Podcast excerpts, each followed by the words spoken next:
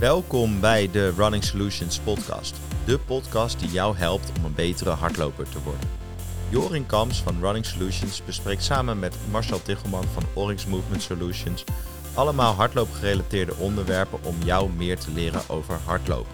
We duiken in de zin en onzin van veel besproken onderwerpen en proberen je handvatten te geven om een betere loper te worden. Running Solutions podcast aflevering 30. We gaan, eh, we gaan het hebben over actie en perceptie. En eh, dat Pijn. pijn ook, ja. Ja. Hardlopen met pijn. Hoe, hoe werkt dat nou eigenlijk? Wat is pijn eigenlijk? Ja, er, wordt, er wordt een mooi onderwerp. Dit is echt, eh, om vooraf even aan te geven, het is echt een heel moeilijk onderwerp. Nou, Maar nou moeilijk. ja, het is ingewikkelde het is materie. wel ingewikkeld, eh, maar het is niet moeilijk, toch? Nee, dat is waar. Maar het is ingewikkeld. Dus we, we gaan proberen om het zo goed mogelijk begrijpbaar eh, te maken van hoe, de, hoe dit in elkaar steekt, hoe dit werkt. En dan, eh, dan hopen we dat dat, eh, dat dat lukt. En anders dan horen we er natuurlijk wel. eh, Zeker. Maar het heeft alles te maken met het feit dat je, als je met deze podcast klaar bent, en volgens mij wordt het een tweeluik, Ja, hè? ja. Dan weet je in ieder geval veel meer van hoe je beter kunt leren bewegen. Ja, dus, dus eigenlijk is het deel 1 van, van het tweeluik over actie en perceptie. Waarbij we dit eerste gedeelte gaan we het weer hebben over de theoretische basis hiervoor. Dus wat is het nou eigenlijk? Hoe werkt dat? Hoe gaat dat in de praktijk?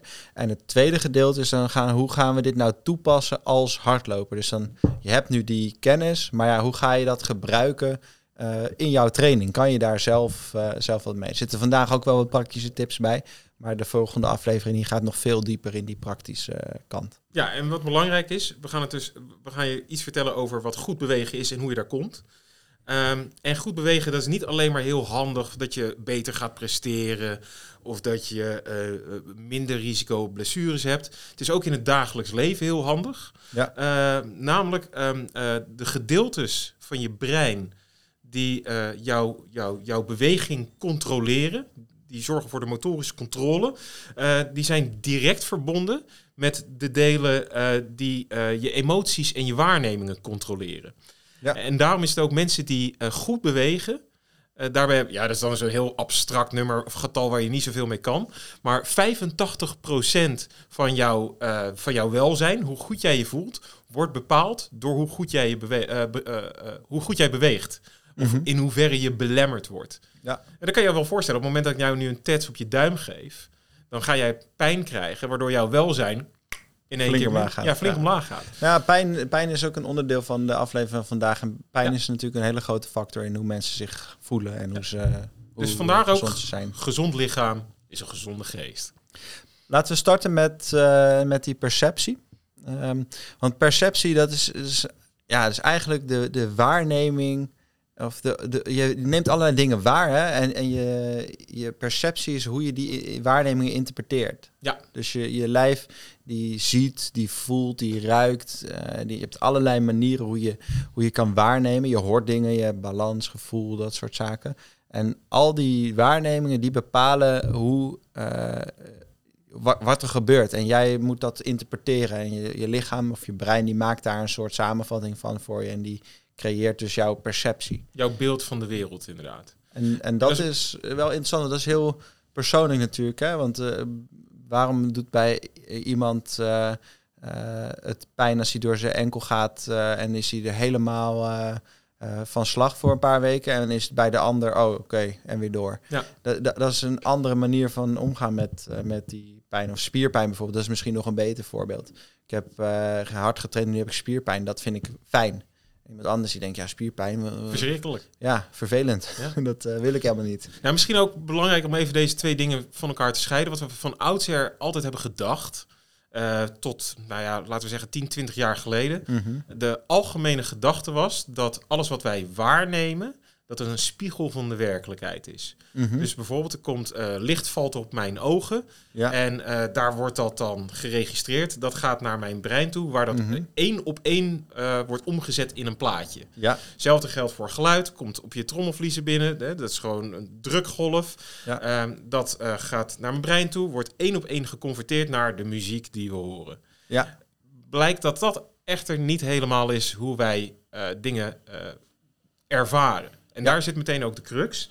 Die dingen die wij binnenkrijgen, die pikken we op met sensoren, zoals we dat noemen. Ja.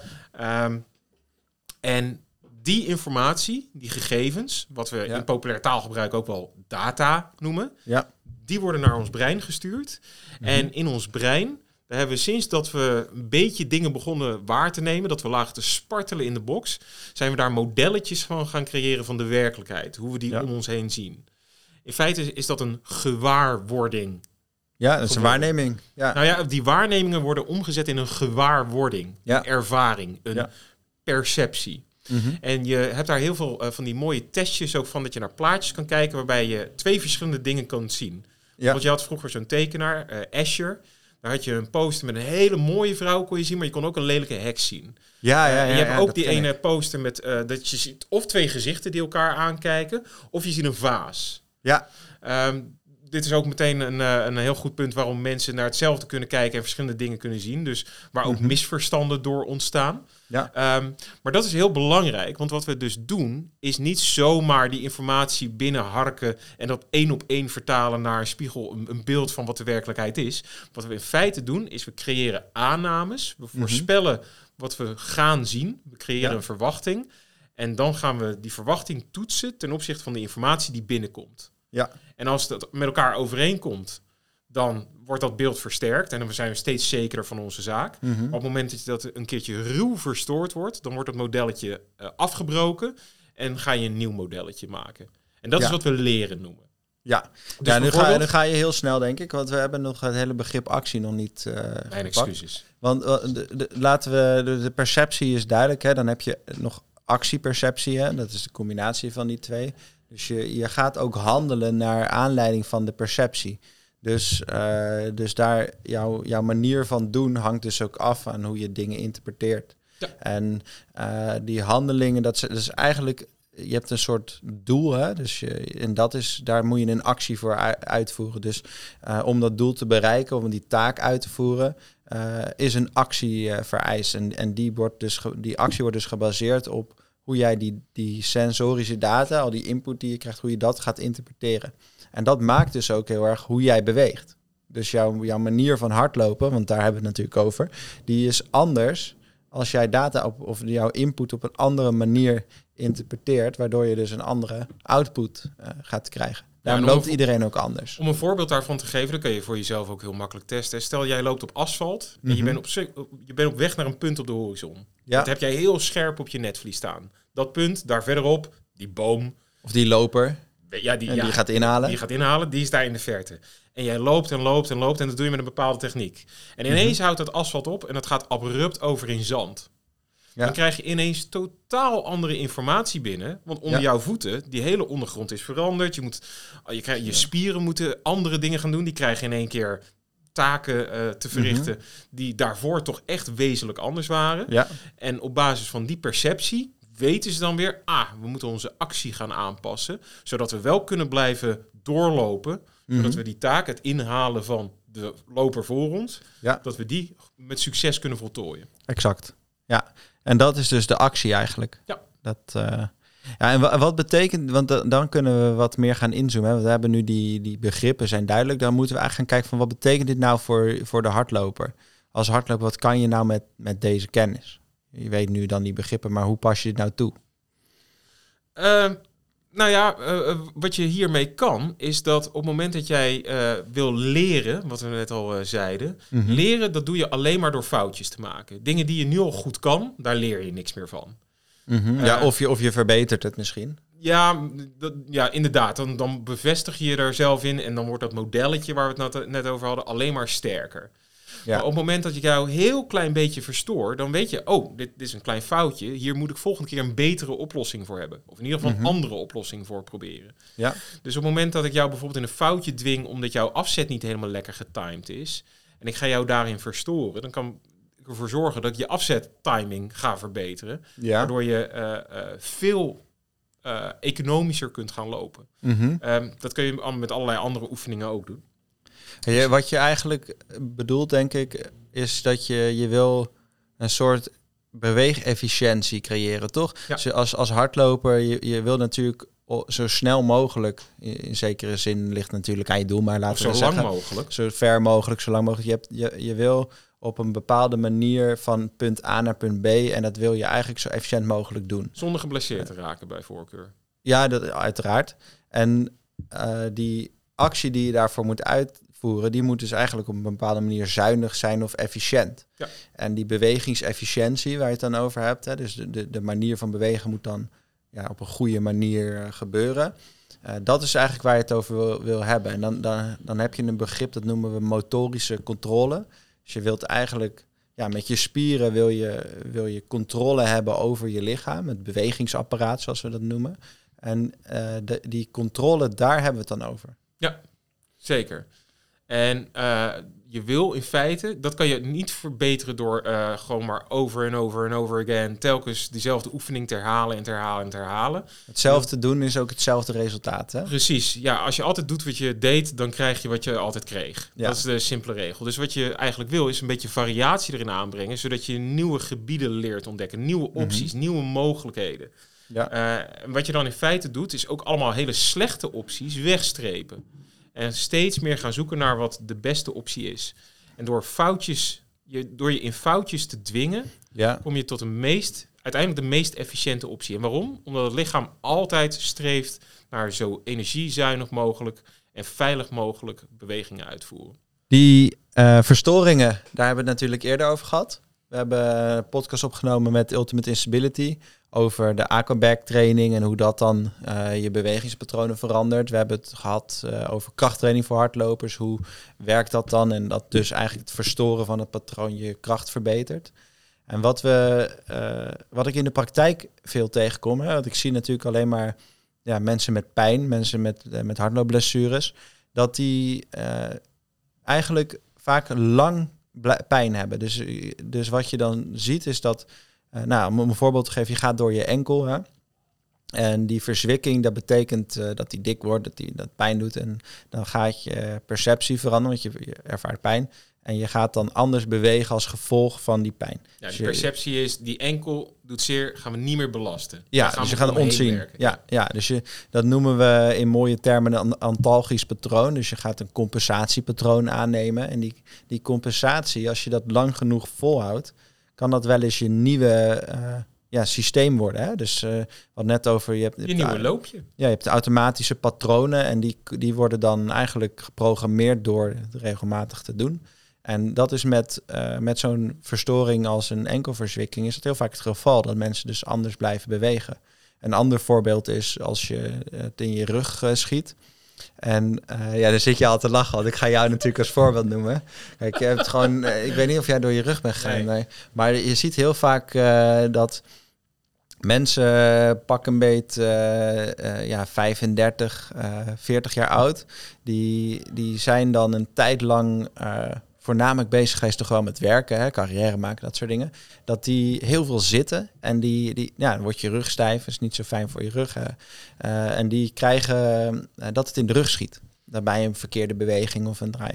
Ja, dat, kan, dat kan gebeuren, hè, dat, is, dat is vervelend. En die eh, mensen die, die die rug zo stijf is, iedereen die dat gehad heeft, die zal dat ook direct herkennen. Dan wil je die niet meer bewegen, want dat doet pijn. En eh, dat is precies zo'n ding, daar ga je dus compenseren. Je gaat dat, dat compensatiepatroon aannemen. En ik zie dus heel vaak lopers met blessures, die zijn ontstaan misschien wel een jaar of twee jaar of drie jaar eerder, doordat ze daar een, een pijnding hebben gehad en die zijn gaan compenseren.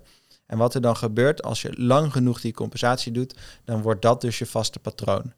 En dat doorbreken is heel lastig. Dus je hebt wel geen pijn, maar je beweegt nog steeds alsof je pijn hebt. Dus je, je manier van bewegen is dan eigenlijk wat verstoord. En dat, dat heeft te maken met hoe je lijf beweegt. Dat gaat helemaal vanzelf. Daar hoef je niet over na te denken. En dat komt dus heel vaak eh, tot problemen als je daar een keer eh, ja, een pijnprikkel hebt gehad. En Nou ja, zoals die, patroon. eh, die lage rug, dat is natuurlijk een mooi voorbeeld. Hè? We hadden het aan het begin van de podcast erover dat jouw jouw brein krijgt een enorme stroom aan data binnen. Ja. Namelijk, eh, s- hij krijgt data binnen van hoe, jij, hoe jouw postuur is, jouw pose, Mhm. in welke positie jouw lichaamsdelen zich allemaal bewegen. ja, Hij krijgt informatie binnen van de spieren, die vertellen hoeveel kracht ze leveren, maar ook wat er met ze aan de hand is. Is er eventueel schade? wordt Eh, getrokken of niet? Is het koud? Is Eh, het warm? Nou ja, je hebt dan Eh, je evenwicht, van, van alles en nog wat. Ja. Maar het is niet zo dat jouw brein op basis van die informatie alleen dingen besluit. Hij Ja. toetst het ook aan herinneringen uit het verleden. Dat is dat Exact. modelletje wat je opgetuigd hebt. Ja. Ehm, dus op het moment dat jij, eh, eh, bijvoorbeeld op het moment dat jouw hamstrings vrij aan de zwakke kant zijn, mhm. Jouw hamstrings zijn heel belangrijk in het stabiliseren van het bekken.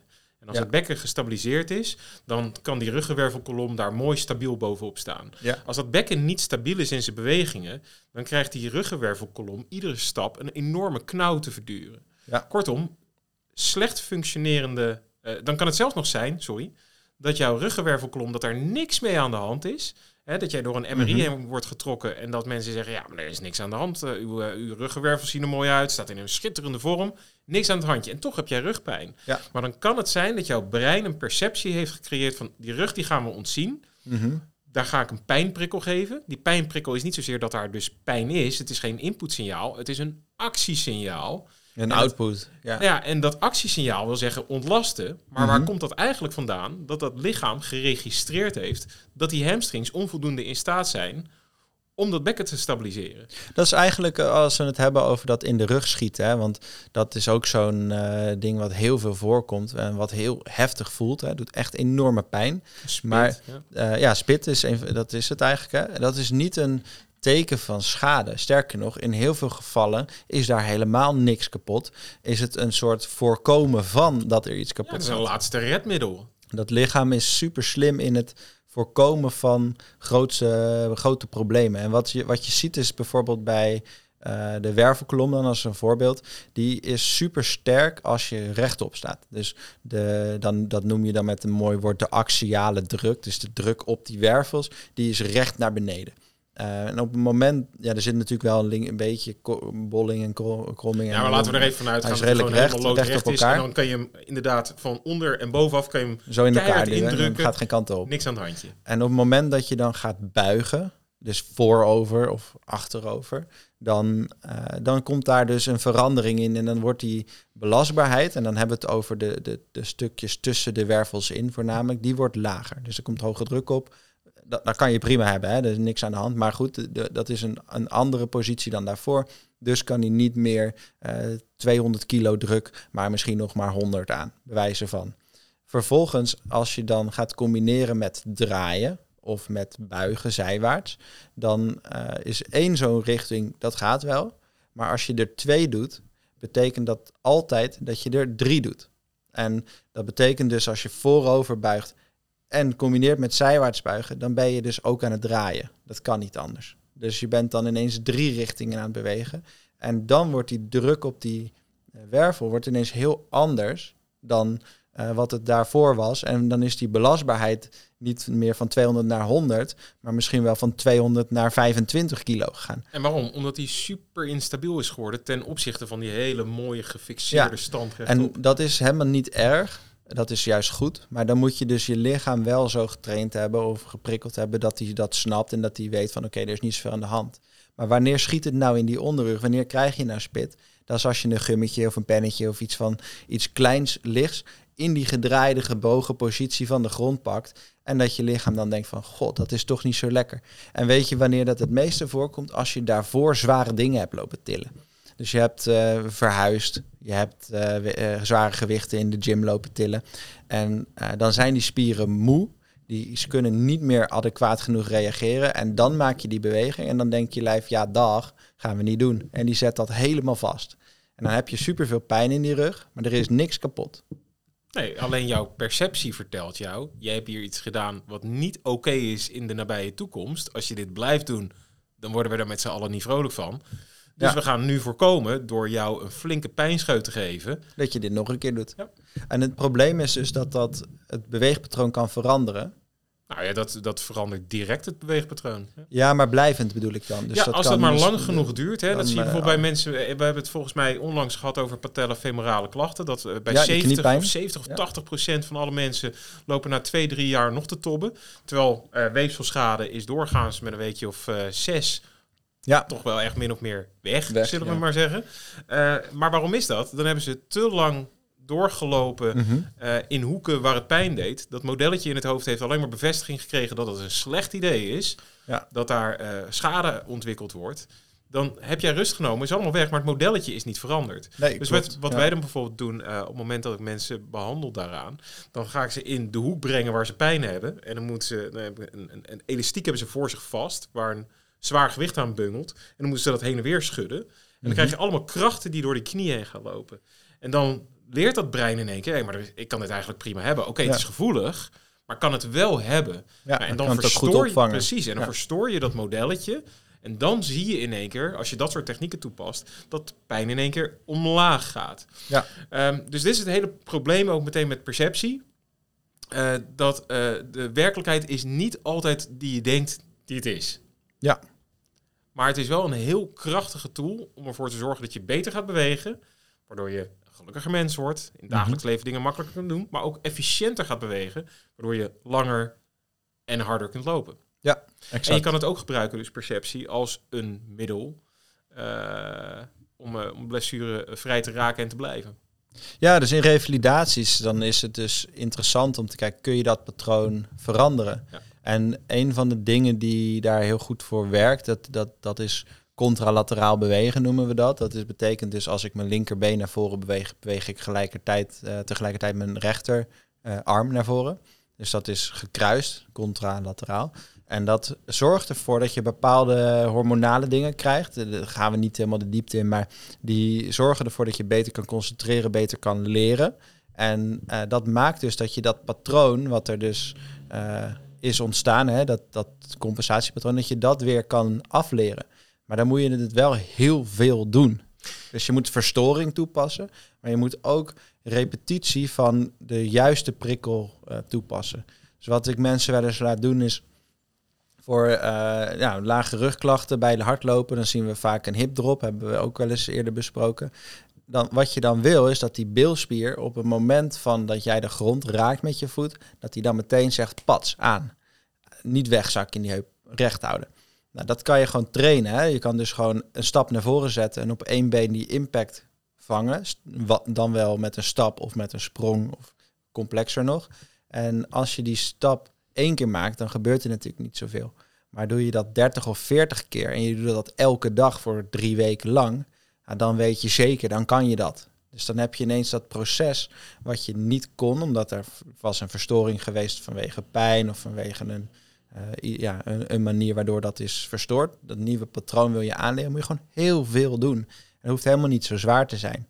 En dan eh, heb je wel ja, effectief een, een nieuw patroon aangeleerd. Ja, en wat hier vind ik altijd belangrijk is, we denken altijd bij training na over eh, het, uithoudingsvermogen prikkelen of die spier prikkelen, allebei om het Mhm. ja, capaciteit vergroten, welke Ja. vorm dan ook, of krachtiger te maken. In dit geval is het veel meer richting oefenen. Ja. En eh, ik, ik spreek best wel met veel sporters hierover en die vinden dat dan heel moeilijk. Oefenen, hoezo? Ik kan het toch al? Je kan Ja. het nooit. Je kan, kan, het echt altijd beter. het kan altijd vele malen beter. En sterker nog, iets wat je niet gebruikt, er verdwijnt. Dus je zal moeten blijven oefenen Ja. ehm, om dat te kunnen. Wat ik, eh, wat ik altijd tegen eh, de lopers hier zeg is, je, je, je kan leren hardlopen. Maakt niet uit hoe oud je bent, je kan het leren. Dus het is een vaardigheid en vaardigheid kan je gewoon eh, stimuleren en dan kan je dat ontwikkelen. En eh, dit is een perfect voorbeeld van hardlopen, hardlopen op een mooie of een goede manier. Vergt eh, tijd en aandacht, vergt oefening. En daarmee word je een betere sporter. En dat is op alle niveaus. Alleen de hoeveelheid aandacht die je eraan moet geven, die verandert naarmate je beter wordt. Dus wat, wat ik bijvoorbeeld mensen meegeef is een hele intensieve revalidatieprogramma's. Hè. Ga maar dagelijks deze vier oefeningen doen of zo. is niet superveel, maar wel heel vaak. En dan zie je dus dat mensen eh, daarna, eh, als je dan stopt, ja, dan ontwikkel je niet meer. Dus dat is niet wat je wil. Maar wat is dan de vraag die mensen mij stellen? Ja, maar ik ga dit nu doen. Hè? Ik ben nu twaalf weken bezig. Ik heb geen pijn meer. En dan stop ik er weer mee. Nee, je blijft het juist doen. Alleen de hoeveelheid, elke dag oefenen, ja, dat is niet nodig. Maar als je nou twee of drie keer in de week gekoppeld aan je hardlooptraining wel iets doet waarmee je die looptechniek oefent of die, eh, die handeling die je wil verbeteren, nou, dan is het wel zo dat je het ook blijft onderhouden en dat het goed kan blijven. In plaats van dat je misschien weer vervalt in eh, nieuwe patronen die, we- die niet gunstig zijn. Ja. Dus dat, dat is denk ik een belangrijke manier om, om naar, die, naar dit model te kijken. Dus je, je, hebt, een, je hebt allerlei waarnemingen, je, je gaat daarop acteren. En dat kan je dus trainen en dat kan je dus leren. En dat moet je dus heel veel oefenen. En zorgen dat dat geoefend blijft. Luistervraag. Leuk. We hebben nog een luistervraag. De luistervraag is: Is het normaal dat je hartslag hoger is bij koudere temperaturen? En hoe kan ik mijn training hierop het beste aanpassen? Hogere hartslag. Dat is opmerkelijk. Want normaal gesproken, eh, je, je natuurlijk mensen die eh, de ene kant beter tegen kou, de andere kant beter tegen warmte. Mhm. Maar eh, doorgaans is het zo dat je hartslag wat lager is bij koudere temperaturen, Mhm. maar juist hoger bij hogere temperaturen. Klopt. En dat heeft er simpelweg mee te maken dat het afdrijven van warmte kost veel meer energie, kost veel meer moeite voor het lichaam dan het op temperatuur houden. Dus je ziet bijvoorbeeld ook, ehm, tenminste ik weet wat voorbeelden uit de duursport, Mhm. dat eh, bijvoorbeeld afvallen onder hoge temperaturen ook veel makkelijker is dan bij lagere temperaturen. Gewoon vanwege de mate van energie die je kwijt bent. En hartslag is, ik weet niet of je echt zou kunnen zeggen dat het een parameter is die iets zegt over energieverbruik. Ja, zeker. Ehm, maar eh, in, da- in, da- in dat kader eh, is, is het eh, bijzonder in ieder geval dat, eh, dat je een... eh, ja, je zou kunnen zeggen dat, dat sommige lopers kunnen beter tegen kou dan andere lopers. En, en bij warmte, idem dito. Er zijn gewoon lopers die beter tegen warmte kunnen dan anderen. Dus wa- waarschijnlijk is dit een best wel... Ja, in de regel zou je kunnen zeggen, bij warmte wordt het hoger en bij kou wordt het ietsjes lager. Maar dat is niet een gegeven voor iedereen. Er zijn altijd weer uitzonderingen op de regel. wat heel fijn is. Maar eh, als je dat dan hebt over hoe pas ik mijn training hierop aan. Ja, eigenlijk is het gewoon zo dat die hartslag jou vertelt wat er in jouw lijf gebeurt. Dat is een resultaat van verbranding. Dus ga je meer verbruiken, dan gaat je hartslag omhoog. Ga je minder verbruiken, gaat je hartslag omlaag. Dus in principe is het, is het heel duidelijk dat als die omhoog gaat, dat je dus misschien iets rustiger aan moet doen. En dat heeft alles te maken met dat jij als je traint, heb je bepaalde systemen die je, op een, die je wil prikkelen. Hè. Dus eh, cardiovasculair eh, heb je bepaalde prikkels nodig. En op het moment dat jouw hartslag dus omhoog gaat, die in een ander verbrandingssysteem komt dan het gewenste systeem voor die training, dan haal je dus het trainingsresultaat niet wat je wil behalen. Dus als je traint met hartslag en je wilt in een bepaald systeem trainen, dan moet je daar ook bij blijven. Dus als het kouder is, dan heeft dat invloed op jouw training. Is het warmer, dan heeft het invloed op jouw training. Maar je hartslag is een resultaat van wat er in jouw lijf gebeurt. Dus die moet je dan eigenlijk aanhouden als, nou, dit is wat het vandaag is. Vermoeidheid of zo heeft ook invloed op. Dus ik zou je training er niet op aanpassen. Ik zou gewoon die training zo doen als je hem deed. Maar laat je hartslag leidend zijn en je tempo niet. Dat is eigenlijk het antwoord. Schitterend. Dan, eh, dan kunnen we op naar eh, het tweeluik, het tweede gedeelte van deze. Ja, daar gaan we het over, Perceptie over hetzelfde, hetzelfde principe hebben. Alleen dan gaan we het hebben over hoe kun je dit nou toepassen als hardloper in eh, looptechniek. Dus als je dan aan het hardlopen bent, wat zijn dan de tips en de tricks die je kan gebruiken om tijdens hardlopen je looptechniek te verbeteren? Dus eh, stay tuned, die is er over twee weken.